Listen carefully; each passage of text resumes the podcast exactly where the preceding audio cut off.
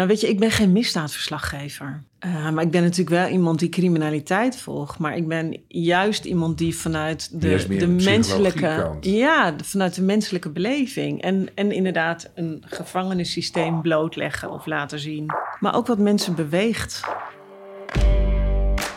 Welkom bij Partners in Crime, de podcast waarin ik, Kees van der Spek, in gesprek ga met mijn crime-collega's over de misdaadwereld waar wij verslag van doen.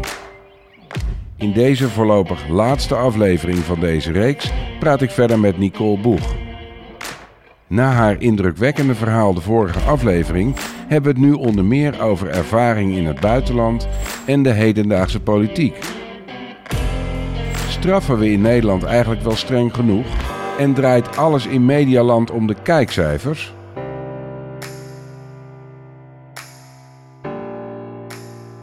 Waar ben je het meest trots op? Jeetje, dat is een lastige zeg. Uh, dat ik overleefd heb, denk ik. Ja, dat is wel een goeie. Dat je overleefd hebt. Ja. Ja, sterker nog, dat je het gewoon hebt voortgezet. Ja, en dat ik het gered heb. Ja. Dat ik uiteindelijk weer uh, ben geland ergens. Ja, je bent weer gelukkig ben hartstikke gelukkig in de liefde. Nooit verwacht natuurlijk. Nee. Uh, ja, ik ben echt wel weer geland en ik heb weer een thuis. En ik, heb weer, ik, ik riep in de periode die achter me ligt en weet je, de dynamiek blijft. Dat zit in je persoon, dat zit in je werk. En dat, dat had ik met Menno en dat heb ik nu met mijn nieuwe liefde George ook weer. Maar de, het avontuurlijke en het dynamische, dat blijft. Uh, maar ik heb wel gezegd in, de, in die hele rouwperiode van ik ren over heel veel paden, maar ik raak nergens de grond. Nee. En ik raak de grond weer nu. Ja. Dat is echt een verschil. Lekker hè? Ja, heel fijn. Ja. Is hij, ik, eh, want Menno was natuurlijk een tv-maker en dat is George niet. Nee. Want mijn vrouw, die werkt dan wel bij televisie, maar uh, die maakt zelf niet, dus geen maker. Maar die is wel mega kritisch soms ook. Uh, hoe, hoe, hoe doet hij het? Is die, heeft hij een grote bek als hij vindt dat het niet goed is? Ja, George is heel kritisch. En dat is ook fijn, weet je. Je hebt het ook nodig. Ja. Dat, dat mensen en, me, en degene die dichtstbij je staat vooral, dat die kritisch jou, op je is. Heb jij dat ook als je programma op televisie is? Dat, dan ieder, dat, dan, dat hij dan zijn bek moet houden de hele tijd? Dan nu dit, nu dit, stil. Mon, doe jij iets met de edit ook? Nee. Ja, ja, ik bemoei me overal mee van A tot Z. Nee, maar nee, juist, weet je, dan heb ik dat programma echt al, al, al tig keer voorbij zien komen steken. Je hebt het zelf bedacht, je hebt het zelf ja, gemaakt. Maar op dat moment je hebt het zelf geboren. Ben je het... Oh, dat is het moment, zeg maar, dat jouw schilderij Ja, nee, maar dat, voor mij is dat programma dan toch al heel lang klaar. Nee, ik heb dat helemaal niet. Oh, ik, heb, ik ben verschrikkelijk. Ja? Ja, ja. iedereen moet uh, erbij zitten en zijn bek houden. En als het dan, oh, ja, heel erg triest. Oh nee, ik, weet je, ik, de, bij wijze van spreken zou ik niet eens meer kijken. Wat ik wel doe, is dan gewoon de reacties kijken en zo. Maar weet je, ik, je kent iedere seconde, ja, ieder shot, ja, ieder ja. woord wat er gezegd maar wordt. Ik monteer het zelf dus met een editor, helemaal, van begin tot eind. Ik spreek het ook zelf in, ik doe zelf de muziek, alles. En dat, dat schilderij komt op dat moment in het Rijksmuseum te hangen.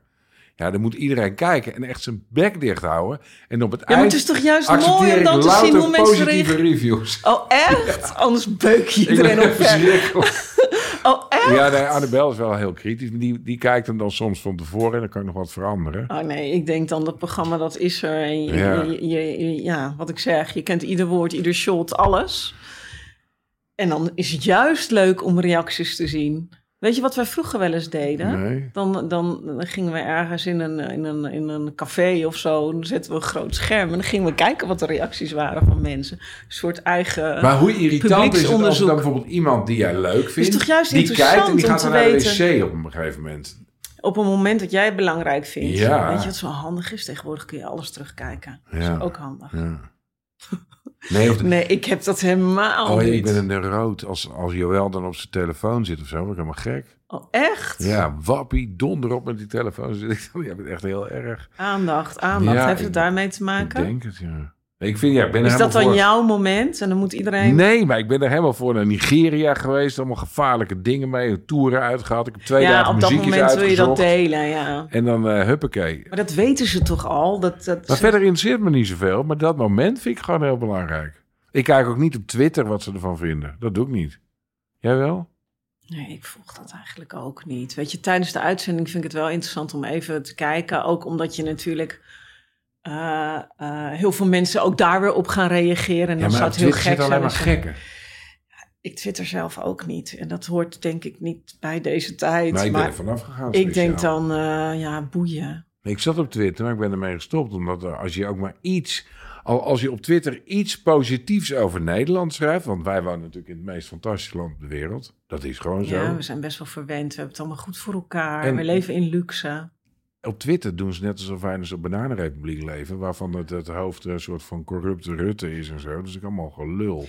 Nou, we moeten ook niet net doen alsof er natuurlijk geen corruptie is. En alsof Nederland heilig is. Want dat is echt niet zo. Zeker politiek gezien niet. Oké, we moeten veranderen. En- Ik kan niet zo goed tegen systemen. En dat is natuurlijk heel lastig. Want we leven met z'n allen in een We systeem. moeten wel, hè? We moeten wel om, om een beetje... Hoeveel landen ben jij geweest? Heb je dat bijgehouden of niet? Nee, maar het is wel grappig dat je dat vraagt. Want toevallig dacht ik van de week... eh, ook omdat je eh, met een nieuwe liefde, die ik overigens al twee jaar ken nu... Wil je natuurlijk, maar wij kennen elkaar eigenlijk eh, ongeveer sinds de coronatijd. Dus heel veel hebben we samen niet kunnen reizen. Maar ik dacht van de week, als je dan een kaart maakt, gewoon de wereldkaart pakt... en dan ieder in een kleur invult in welke landen je geweest bent... zodat je dan ook kunt zien welke plekken je allebei nog niet geweest bent Ja. om daar naartoe te gaan. Nou, ik zou je vertellen, tegenwoordig heb je ook appjes. Oh, En dan kun je dat gewoon invullen. Die app, wat is Ja, dat? Die heb je. Dat heet de Bean app. Dat, Oh ja, dan kan je hem helemaal... eh, Nee, ik heb natuurlijk elke maand een reis, hè? Ja, Al eh, sinds 2012. ja, dan ga En daarvoor Peter en de. Vries ook veel reizen gedaan. Maar Ja, ik zit nou op 87 landen of zo. dat is veel. Dus dan wordt het wel echt een ding. Ja, Maar wat, je dan, wat ik dan heel erg vind... Je kunt natuurlijk van alles van Nederland zeggen... maar dit is bijna het beste land op aarde. maar toch als je reist voor je werk... Ja. eh, tuurlijk proef je de sfeer van een land... eh, maar je, je voelt het niet als de bevolking. Ja, als je maar ik heb ook, privé eh, reist... Ja, maar ik heb ehm, eh, ook eh, een deel van mijn jeugd in het buitenland gewoond. Oh ja, dat had Ik, ik, heb, ja. ik ben in Israël geboren. ja. En toen nog in Duitsland gewoond, tot ik klein was.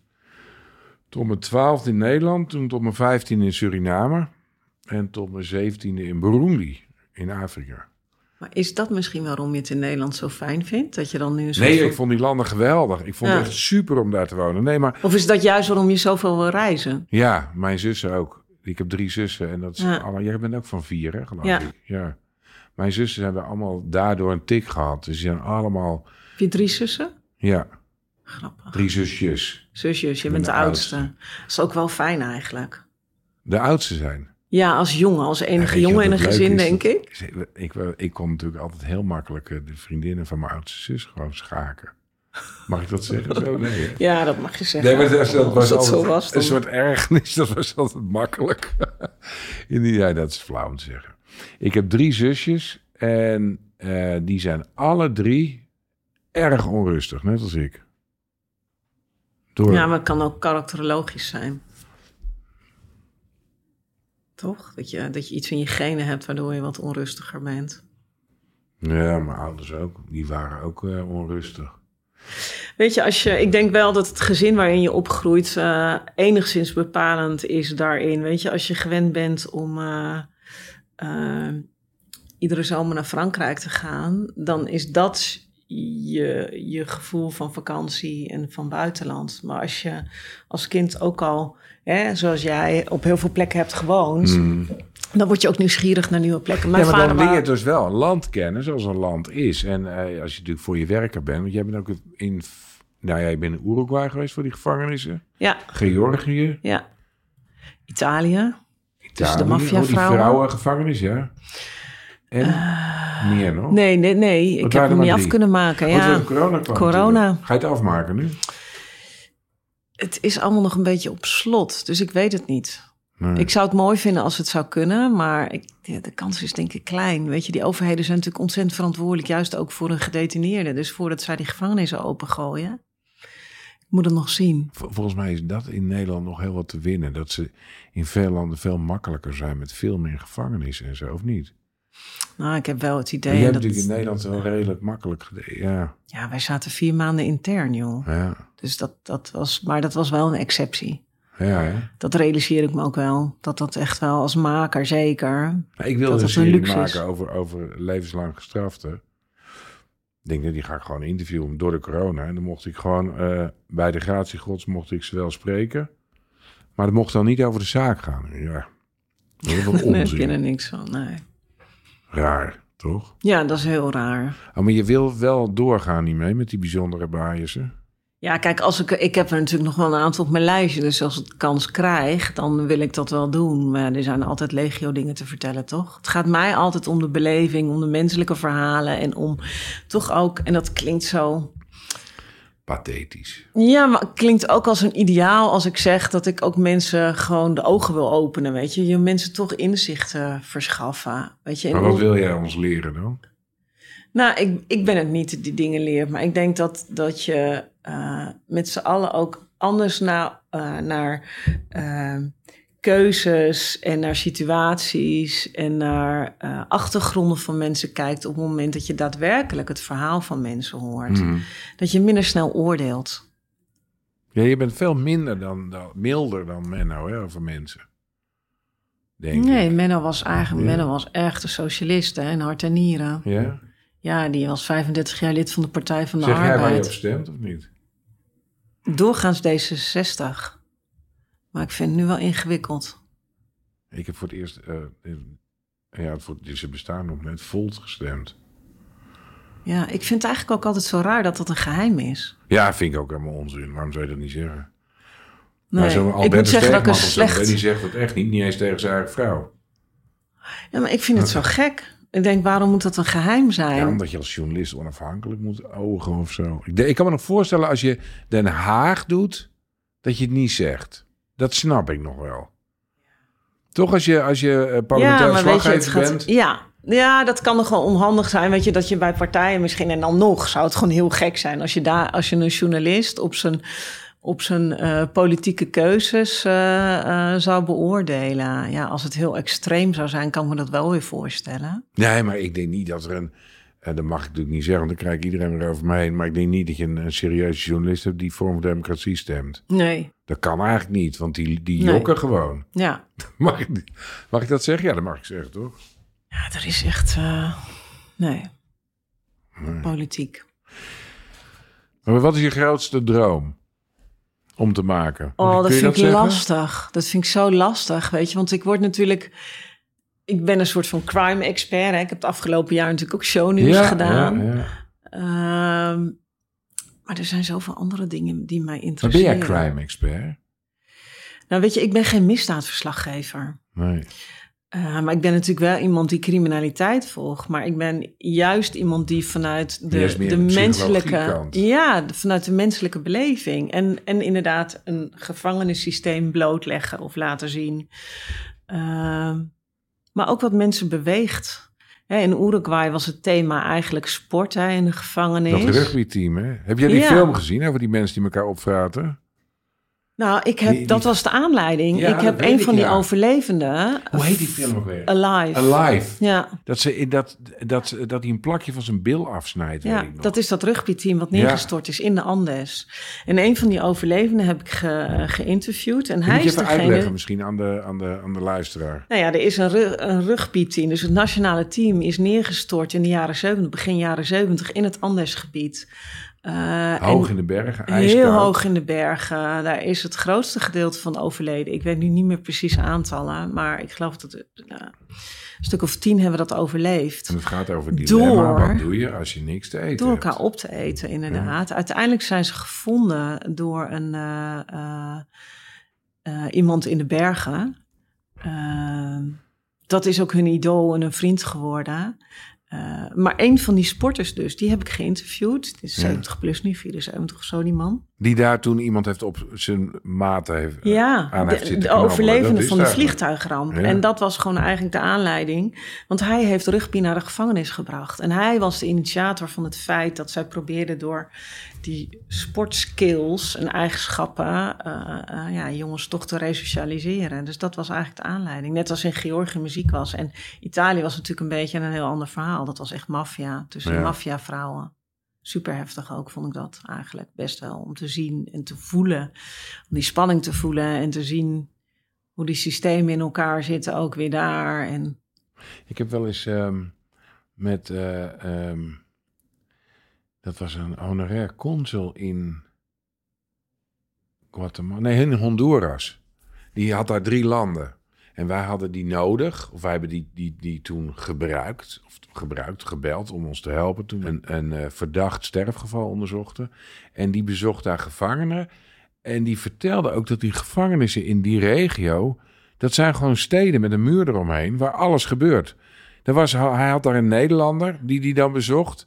En die had inmiddels een hele bakkerijketen met zeven bakkerijen opgezet. Die was gewoon miljonair geworden in de gevangenis. ja, Alles gebeurde. Waren hoeren, wapens, alles. Als maar binnen die muur was.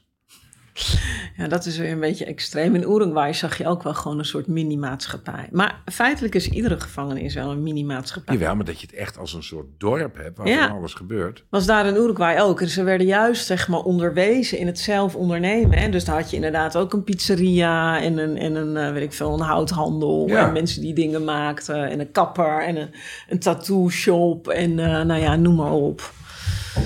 En ik sprak daar inderdaad ook een jongen die viel echt op. Ehm, hele jonge jongen, heel, nou ja, in de, je kon zien aan zijn kleding dat het gewoon zeg maar niet eh, een tientje van de markt was. En eh, wat daar ook grappig was, is dat ze een mobiele telefoon hadden. En hij liep de hele tijd te bellen. Dus ik zei op een gegeven moment, jongen, met wie ben je nou aan het bellen eigenlijk? Weet je, dat is niet eh, omdat je iets voor de gevangenis aan het regelen bent. Want hij had een soort van communicatiebaantje. Zei hij, nee, is mijn secretaresse. Ik zeg, je secretaresse? Die bleek gewoon nog een hele illegale handel ernaast te hebben. Ja. Gewoon, ja, en dat kan dus ook wel. Op het moment, mobiele telefoons zijn natuurlijk best wel een dingetje in Nederland. Ja, en de dat kan gevangenis ook. Dat kan niet. Nee. Want ja, met name slachtoffers. En, en, en ze kunnen natuurlijk gewoon doorgaan met hun handel en wandel. Ja, maf hè. Ja. Hij vertelde het ook. Het waren gewoon eh, ommuurde dorpen. Ja. Waar alles een beetje kon en mocht. Ja. Maar ja, dan moeten de bewaarders en zo natuurlijk ook onderdeel zijn van dat systeem. En daarin meegaan. Maar als je dit niet deed, wat deed je dan? Nou, weet je, het gekke is, ik ben natuurlijk... Mensen hebben pas door dat ik programmamaker ben sinds Menno is overleden. Dus sinds 2014. Maar ik maak al 29 jaar televisie. De Hmm. meest uiteenlopende titels. Wat was het leukst? Behalve wat je zelf doet? Van vroeger? Ah, dat vind ik echt ingewikkeld. Weet je, want ik heb echt van, van dagelijkse talkshows tot sport... Tot, tot documentaires voor het WNF. eh, weet je wel, op locatie, meer camera, eh, weet je, alles. Je is UP hè? Ja, ja dus ja, ik, en ook hele commerciële titels over huizen en boten en, eh, Ja, ja, ja. en Maar als je dan niks met tv deed, wat zou je dan liefst doen? Ik hou heel erg van schrijven. Heb je? Ja. Je Eh, schrijft columns. ik schrijf columns. Eh, ik heb natuurlijk een boek over Menno geschreven, maar ik hou Ja. heel erg van. Ik vind schrij- schrijven is voor mij dat gaat me ook makkelijk af. Dat is misschien stom om te zeggen, maar ik kan heel makkelijk dingen op papier zetten. Ehm, Maar wil je dan non-fictie? ik hou van piano spelen. Speel je piano? Ja. Ja. Wij hebben net nog een beetje beneden gespeeld. Ja, Maar en ik kan eh, het alleen niet zo goed. Nee, ik ook niet. Maar dan gaat het ook niet. Weet je, ik hoef niet op te treden. Maar als je dan zegt, wat doe je als je niet... En ik, ja, ik, ja, ik ben sportief. Ik sport heel veel. Heb je niet een reiskick ook overgehouden? Ja, enorm. Ja, zodra ik in een vliegtuig kan zitten. Ik ben eh, twee weken geleden voor het eerst weer weg geweest. Sinds anderhalf jaar even een weekje naar Curaçao. Ik was nog nooit op de Antillen geweest. En ja, dat vond ik toch ook wel weer leuk. Had Ja. ik als verjaardag cadeautje gekregen van mijn, van mijn liefde. Lekker naar Curaçao. Lekker naar Curaçao beetje. Ja, en dat was op dat moment nog het enige wat geel was. Nu kunnen we weer verder reizen, dus we moeten we gewoon kijken wat er weer... Ik zag dat Rwanda ook geel was. Alle, de enige Wil je daar naartoe? Afrika. Nee, ik heb daarnaast gewoond. Ja, Ik heb in Burundi Ja, gewoond. Burundi, ja. Rwanda schijnt eh, toch een soort oase te zijn in Afrika. Hè? Ja, maar ja. Ja, die hebben het redelijk goed op de rit hoor. Ja, Wel een verlichte dictatuur, maar eh, plastic is verboden in Rwanda, dat is bijvoorbeeld. knap. Heb je in Kenia ook trouwens.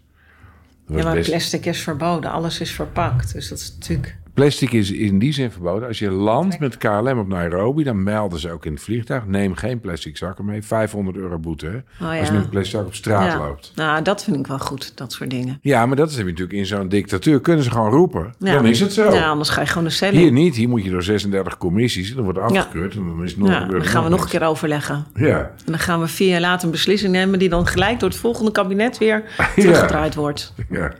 Maar heb je D66 gestemd? Ja, Deze keer? ja.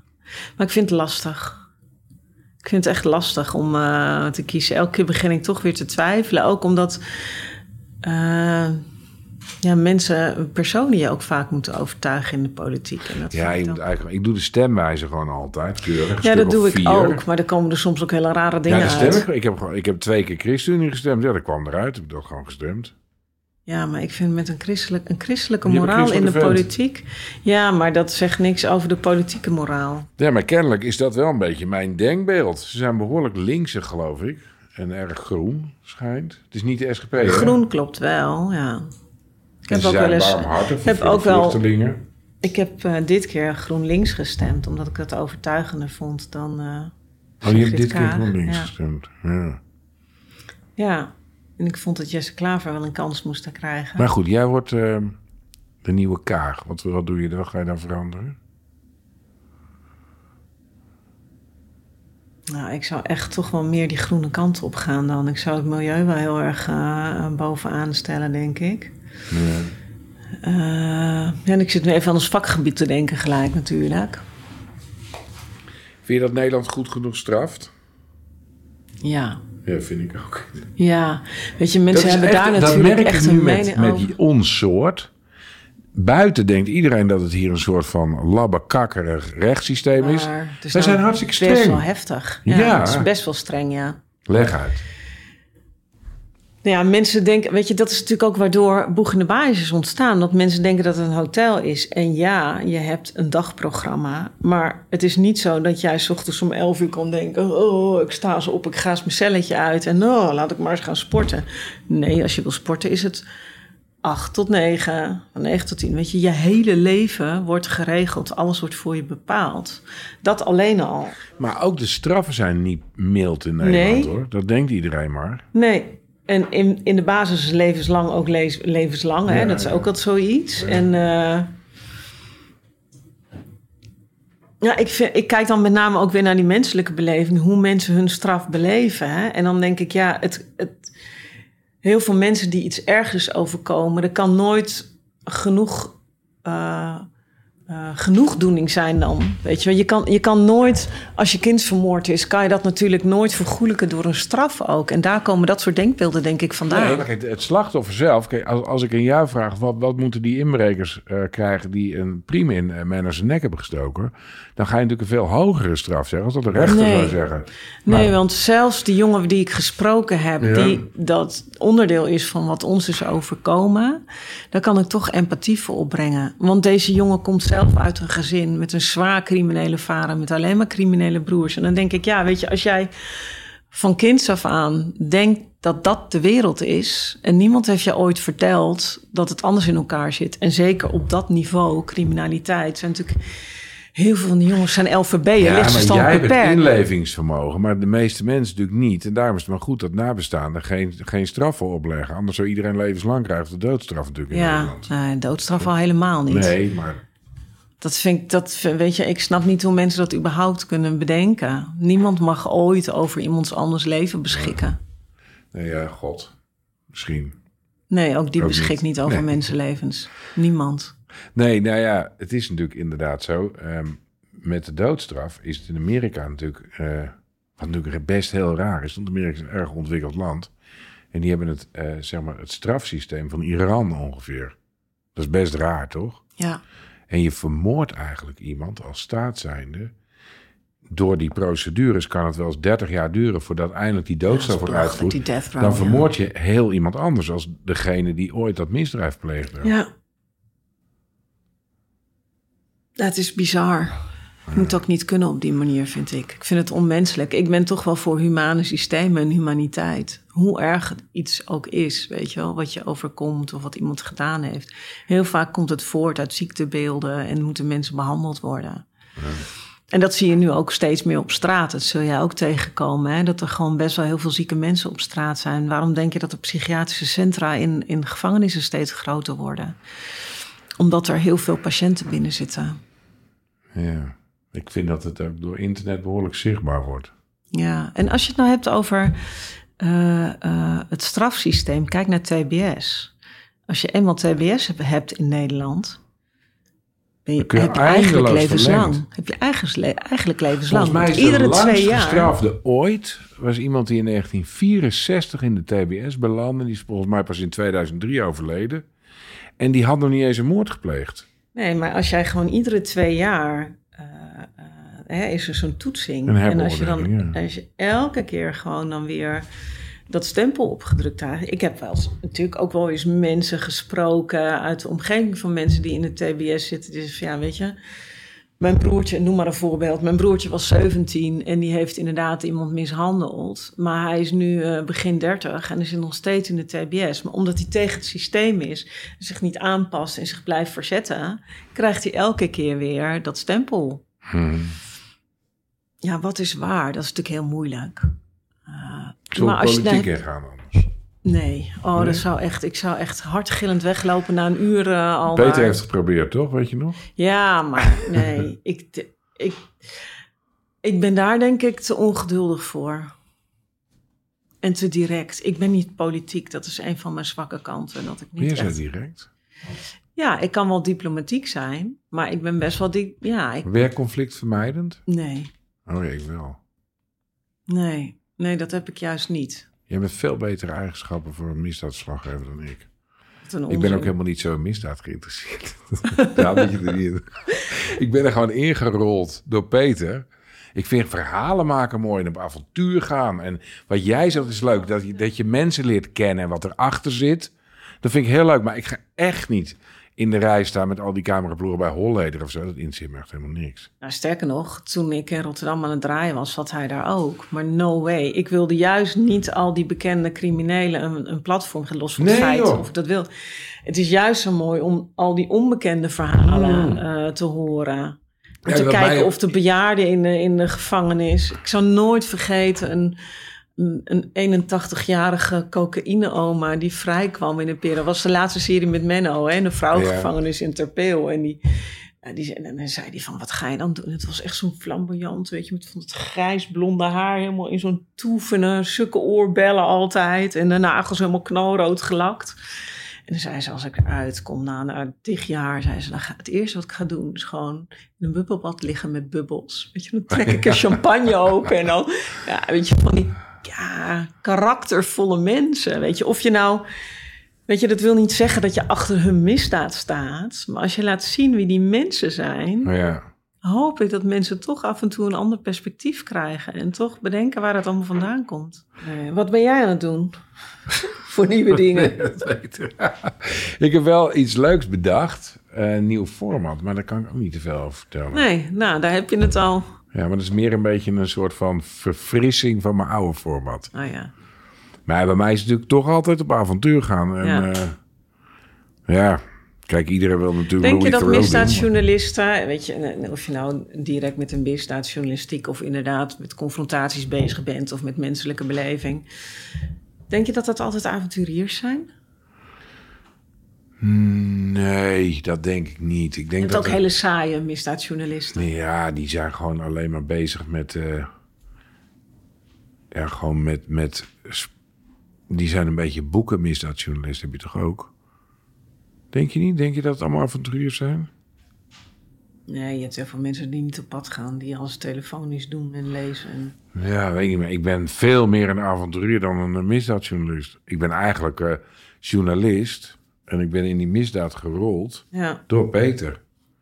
Peter was gewoon de encyclopedie en ik was meer een beetje de creatieveling. ja, van hoe gaan we het aanpakken? Hoe gaan we het aanpakken? Hoe gaan we het in beeld Krijgen brengen? we ze pff, bij elkaar? Ja, en dan, eh, dan ehm, ooit begonnen we bij Peter.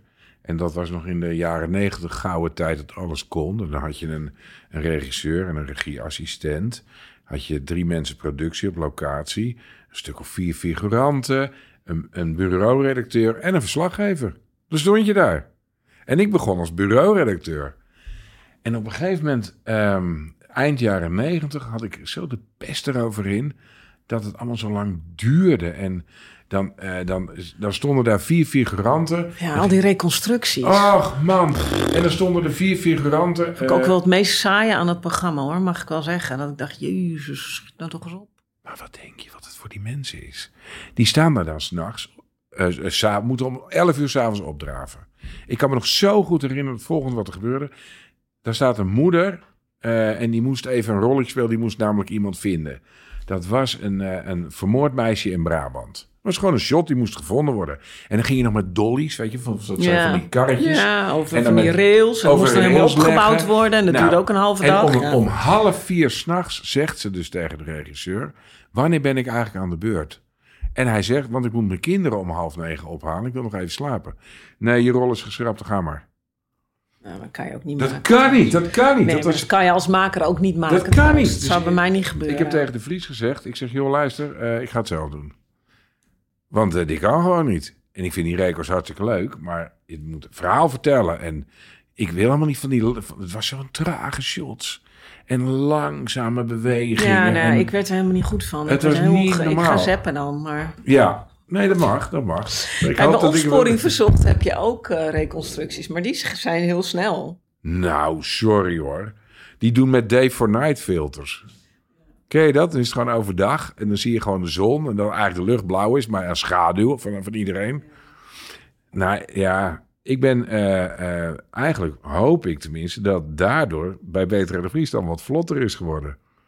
Ja, maar weet je, je moet het ook in de tijd plaatsen, denk ik. Ja. Alles is vlotter geworden. Weet je, als je kijkt naar montages, ga eens een film kijken uit de jaren tachtig. Echt, na, na drie shots denk je, jeetje. Ja. We leven, in mijn beleving in ieder geval, in een snellere wereld. Waarin Ja. je zoveel prikkels krijgt en alles in zo'n hoog tempo gaat. Je maar bent hoe irritant, hoe irritant is het, Nicole, dat wij... Jij gaat helemaal naar, jij gaat naar Uruguay, maak je een mooie reportage met mensen, praat je mooie muziek eronder. Dat doe ik ook, hè. Ga ik naar Zuid-Afrika, dan neem ik een slachtoffer mee. En dan vang je net die goede quote en dan kom je er aan. En mensen, heb je mensen ingeschakeld die, die digitaal iemand gaan uitpeilen. En dan, nou, heel gezeik, kom je terug. Ga je, ik monteer snel, ik monteer een Ja. hele aflevering in zes dagen. Ja. Van niks tot inleveren. Nou, dat is, eh, maar dat, dat is het voordeel als je het zelf helemaal in je hoofd hebt. Ik schrijf mijn draaiboek in het vliegtuig. Precies. Eh, muziekjes zoek ik uit en dan ga ik monteren. En dan is het klaar. En heb je dus een, nou, een week of vier heb je gewerkt. Hè, want je hebt research nog gedaan. En dan wordt je kindje geboren, komt op televisie. En dan zenden ze het op RTL 5 uit. En dan kijken er 360.000 mensen naar. En is er een of andere lul die filmt dat er een kat van een dak valt. En die post op YouTube. En die heeft gewoon 3 miljoen views. Ja. Maar maak je het daarvoor? Nee, maar het is wel een beetje kut, toch? Ja, weet je, die cijfers zijn absoluut belangrijk. Want Nee, dat- dat- daar, dat heb is- ik, daar ben je op gefocust en zo. En toch is het ook je eigen voldoening die je eruit haalt. Of je net dat ene verhaal, of je mensen bij elkaar hebt gebracht. Of dat je, dat je net, weet je... Tuurlijk, je, je brengt veel meer. Je bent, kijk, wij zijn natuurlijk, hoop ik, toch een beetje die steen in de rivier... die, die de stroom een beetje heeft doen veranderen. En die kat die van het dak valt, deed dat natuurlijk niet. Voor die Morgen kat flikkert er weer een kat van Ja, dak. maar ehm, er wordt natuurlijk altijd heel schamper gedaan. Je doet het allemaal voor de kijkcijfers. Nee, maar ook de Volkskrant leeft bij hoeveel mensen hem lezen. Iedereen De- doet de alles voor de kijkcijfers. Moet je kijken hoe groot de sterblokken zijn bij de publieke omroep. Sterker nog, wat ik bloedirritant vind, is als jij gewoon iets terug gaat kijken, dan kan je de, de, de sterblokken die er bij de publieke omroep voor zitten op het internet niet skippen. Hè? Je kan geen advertentie overslaan. Je krijgt gewoon in your En maar dat face. komt omdat dat ons salaris betaalt. hè. En dat maakt me helemaal niet uit. Nee, maar ook bij de publieke dus. En het maakt me helemaal niet uit dat de publieke omroep ook op die manier geld genereert. Alleen het beeld waar we het in het begin over hadden, van de commerciële omroep, waar alles commercieel is en draait om kijkcijfers en om geld, dat is overal zo. Nou, Ik zal je vertellen, dit, eh, ik ga niet zeggen wie dat is en hoe dat precies zit. Maar bij ons worden ook programma's gemaakt voor de publieke omroep. En die werken gewoon met minutenanalyses. De Ja. publieke, hè? Ja, Dus die gaan dan per minuut kijken welke kandidaat bijvoorbeeld bij een programma in beeld is, hoe de kijkers erop reageren. En die bellen gewoon tijdens de lopende reeks dat er moet worden hermont, gemonteerd omdat Pietje meer kijkers trok. In de minuutanalyse. De publieke doen dat, hè? ja daarom. Dat ja, heb ik bij de commerciële niet gehoord. Nee, ik heb ooit ook, eh, eh, omdat, omdat ik juist dat commerciële... Ik ben natuurlijk opgegroeid bij de commerciële. Hè? Ik Ja. ben ooit begonnen bij Bob de Jong producties... met een paardenprogramma voor NBC Super Channel. En toen eigenlijk naar RTL 4 producties... wat toen samenging met eh, Veronica producties en 100 Media House. En zo is eigenlijk, eigenlijk bijna alleen maar RTL geproduceerd. En laatst Ja. ja. wat SBS natuurlijk. Maar altijd eigenlijk commercieel. Kleine uitstapjes naar de publieke. En ehm, ik ben op een gegeven moment heb ik een half jaar als senior marketingadviseur bij de NPO gewerkt. Omdat ik dat zo interessant vond om te kijken hoe je in marketing, zeg maar, wat er nou zo, wat er commercieel was. Welke commerciële aspecten ik terug kon vinden bij de publieke omroepen vanuit dat perspectief.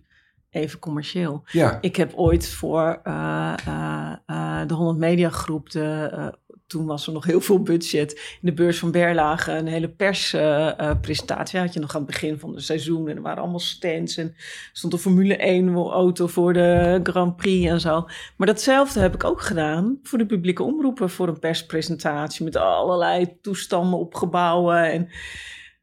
Dus er was eigenlijk geen verschil. En ik vond dat eigenlijk wel een heel erg grappig iets om inderdaad bevestigd te krijgen. Nou, dat het, ik dat het net zo zeggen, ik heb commercieel het is. gevoel dat eh, eh, op een aantal punten waarvan de kijker geen idee heeft dat de publieke omroepen commerciëler zijn dan de commerciële. Ik heb bijvoorbeeld nooit gezeik over. me. Ik maak mijn aflevering en dat is goed. Dat vinden ze prima. Hoef ik echt niet in te hermonteren. Wel eens een voice dat zeggen, oké, Kees, dat begrijp ik niet helemaal. Kun je het iets beter uitleggen. Maar een hermontage heb ik nog nooit gehad. En ik weet dat bij het publieke, daar zitten echt van die mierenneukers, dat alles om moet en anders, omdat het anders... En, en die, die kijken heel erg naar, naar doelgroepen tegenwoordig. Hè? Dat is niet normaal. Die, die, die programma's als Vermist en zo, die gaan er dan allemaal uit. Omdat het allemaal oude mensen niet naar alsof wij geen boodschappen doen, Ja, toch? ja. Ik, ik denk, ik durf bijna te stellen dat de, dat de publieke omroepen commerciëler zijn geworden dan de commerciële. Dat denk ik ook. Alleen het imago is dus niet zo. Want heel veel mensen Nee, die je spreekt, die zeggen... ja, nou, dat is bij de commerciële. En dan denk ik, Nee. alsof daar geen inhoud gemaakt wordt. Ik word altijd een beetje opstandig en boos van. Want dan denk Ja. ik, jeetje, Ze denken kijk... allemaal dat wij miljonair zijn en dat we gewoon alles voor de kijkcijfers doen. Je moet er gewoon ook keihard voor werken. En we doen het ook wel voor de kijkcijfers, maar dat is gewoon de bakker die gewoon zijn brood wil verkopen, toch? Ja, maar omdat je ook met jouw boodschap... zoveel mogelijk mensen wil bereiken. Nou, maar het is ook toch gewoon je werk. Ja, Als niemand kijkt, ik bedoel, als jij kunstenaar bent en je maakt schilderij en niemand vindt het mooi, dan heb je het ook jij hebt het niet helemaal goed gedaan, toch? nou, je hebt ook kunstenaars die maken het voor zichzelf, hè? Ja, maar die, die kunnen niet eten. Nee, dat is waar. Dat is waar, Ja. ja. Wat is je favoriet? Waar wil je nog heen? Allerliefste plek? Oh, ja, dat vind ik. Zou jij dat kunnen zeggen? Nou ja, ik roep altijd Ik heb nu, weet je, soms heb je land. vibes. Soms heb je een vibe, weet je. Want op weg naar Uruguay had ik een tussenlanding eh, op Buenos Aires. Was ik nog niet geweest. Maar ik ben niet uit het vliegveld. Maar de vibe op dat vliegveld of zo. Ik had zoiets van, hier moet ik zeker terug. En gaan dansen op straat met Dat mijn man. echt, en, eh, en dan met de gauchos de bergen Ja. in en zo. Ik had, dat, dat, dat, dat triggerde heel veel. Ja, je hebt daar La Boca, die wijk, vlakbij dat eh, stadion waar Maradona is, eh, Ja, is, is ik- begonnen. ja. En daar staan ze echt, wel een beetje voor de toerist natuurlijk, maar daar staan ze echt op straat eh, flamenco te dansen. Ja, maar ik wil natuurlijk, dan, dan wil je zelf de dans Ja, beheersen en daar naartoe. Nieuw-Zeeland. Ik ben wel in Australië geweest, niet Nieuw-Zeeland. Eh, Israël. Ben nog niet geweest. Daar ben je niet geweest. Nee. En dat is wel een... eh, Want waarom Israël? omdat daar denk ik zoveel eh geschiedenis ligt. Ik hou wel van de geschiedenis en, en langer, de culturen. Ja, dat vind ik leuk. Dat ik denk, ja, jij kent het natuurlijk. Ja, maar weet je, heel, heel veel van heel veel culturen en maatschappijen, daar ligt natuurlijk een basis daar. En ik vind de, het, eh, het eeuwige conflict, weet je, dat, dat, dat, ik wil dat wel voelen ook. Weet je, ik ben heel gevoelig voor als ik Nou, als ergens je- ben, voel ik vibes. Ik kan ook adviseer niet. jou om eh, eh, gewoon een retourtje met Transavia naar Tel Aviv te boeken. Ja, En dan, je rijdt in drie kwartier naar Jeruzalem. Ja, Dus je huurt gewoon een autootje op vliegveld, op Ben Gurion. Dan rij je naar Jeruzalem toe. Ik heb dat eh, de laatste keer twee jaar geleden gedaan met mijn zoons. Mijn twee oudste zoons, daar doen we ieder jaar een mannenweekendje. En die leuk. twee jongsten, die mogen binnenkort ook mee. ik heb vier zoons, Oh, echt? Ja. Vier jongens. vier boys. Wow. Eh, van eh, twee vrouwen. oh, oké. Ik ben gescheiden en Ja. nu ben ik eh 17 jaar met Annabel getrouwd. 19 jaar, al zo- 19 jaar al. Mooi toch? Ja, geweldig. Miss World noem ik er altijd. Hoor je oud? Hoe oud ben je? Ik word 57. Oh, dat is toch niet oud. Nee. Ik zeg altijd, ik ben blij dat ik een jaar ouder mag worden. Ja, joh, ja. Maar we gaan dus ieder jaar eh, mannenweekend. Dan zijn we toen naar Israël geweest. En ehm, ik wilde ze natuurlijk Israël laten zien, want daar ben ik geboren. Ja. En ik heb ook nog in een kibbutz gewerkt vroeger. In de kibbutz waar ik verwekt ben. Oh ja, dat is wel mooi. Ja, toch? Daar Ja. heb ik gewerkt. En, eh, dus ik heb ze Israël laten zien. Althans, Tel Aviv, Jeruzalem.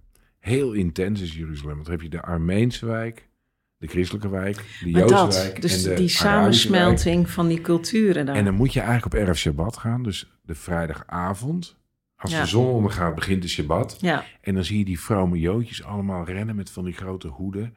En die rennen dan dwars door iedereen heen. Dus die Arabieren, alles loopt daar een beetje door elkaar heb je. Stiesel gekeken op Netflix? Nee, mijn vader zit dat nu te kijken. Is fantastisch. Ja, oh, dat goed dat je het zegt. Echt even kijken. Mijn Want vader, ik heb eergisteren bij mijn vader Netflix cultuur in geïnstalleerd. En Jeruzalem. die wilde dat zien. ja. Allemaal van die vrome Joodjes met, wij noemen dat gewoon vrome Joodjes, maar dat mag toch? Nou ja, die ontzettend orthodoxe cultuur. En Ja. gewoon de, en de belevingswereld van die mensen ook weer. Dat ze eigenlijk gewoon met alle menselijke thema's... waar we allemaal in alle culturen mee te maken hebben... maar dan vanuit hun perspectief. Ja, Ja, daarom willen al ons soort mensen willen uiteindelijk gewoon Louis Theroux maken. Toch? ja. Maar ja, wil allemaal werelden laten zien.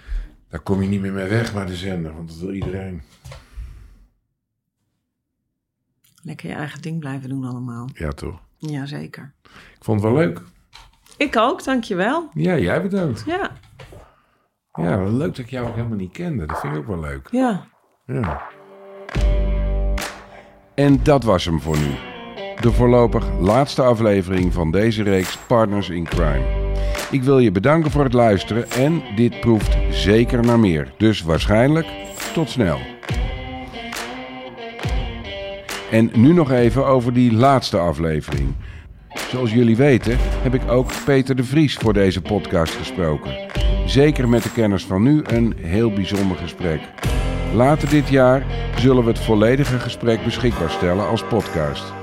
Op Videoland kun je delen van dit gesprek terugkijken als onderdeel van een special die we hierover hebben gemaakt. Door deze podcast in je podcast-app te volgen blijf je op de hoogte wanneer we de aflevering delen. Dus doe dat vooral. Tot snel.